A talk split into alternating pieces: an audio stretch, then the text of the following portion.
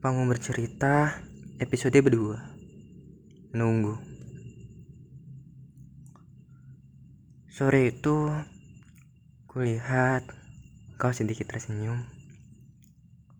Melihat handphonemu yang agak redup. Dengan rambutmu yang sedikit bergelombang Matamu seperti memberi harap pada HPmu yang terlihat sangat usang sekali. Dik, abang minggu depan akan kerja. Di mana bang? Timpalku dengan sedikit terkejut.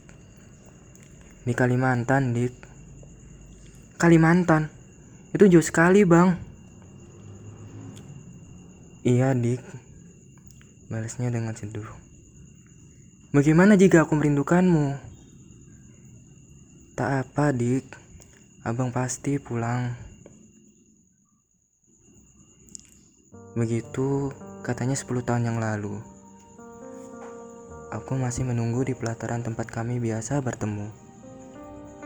Aku masih menunggu, menunggu, dan menunggu.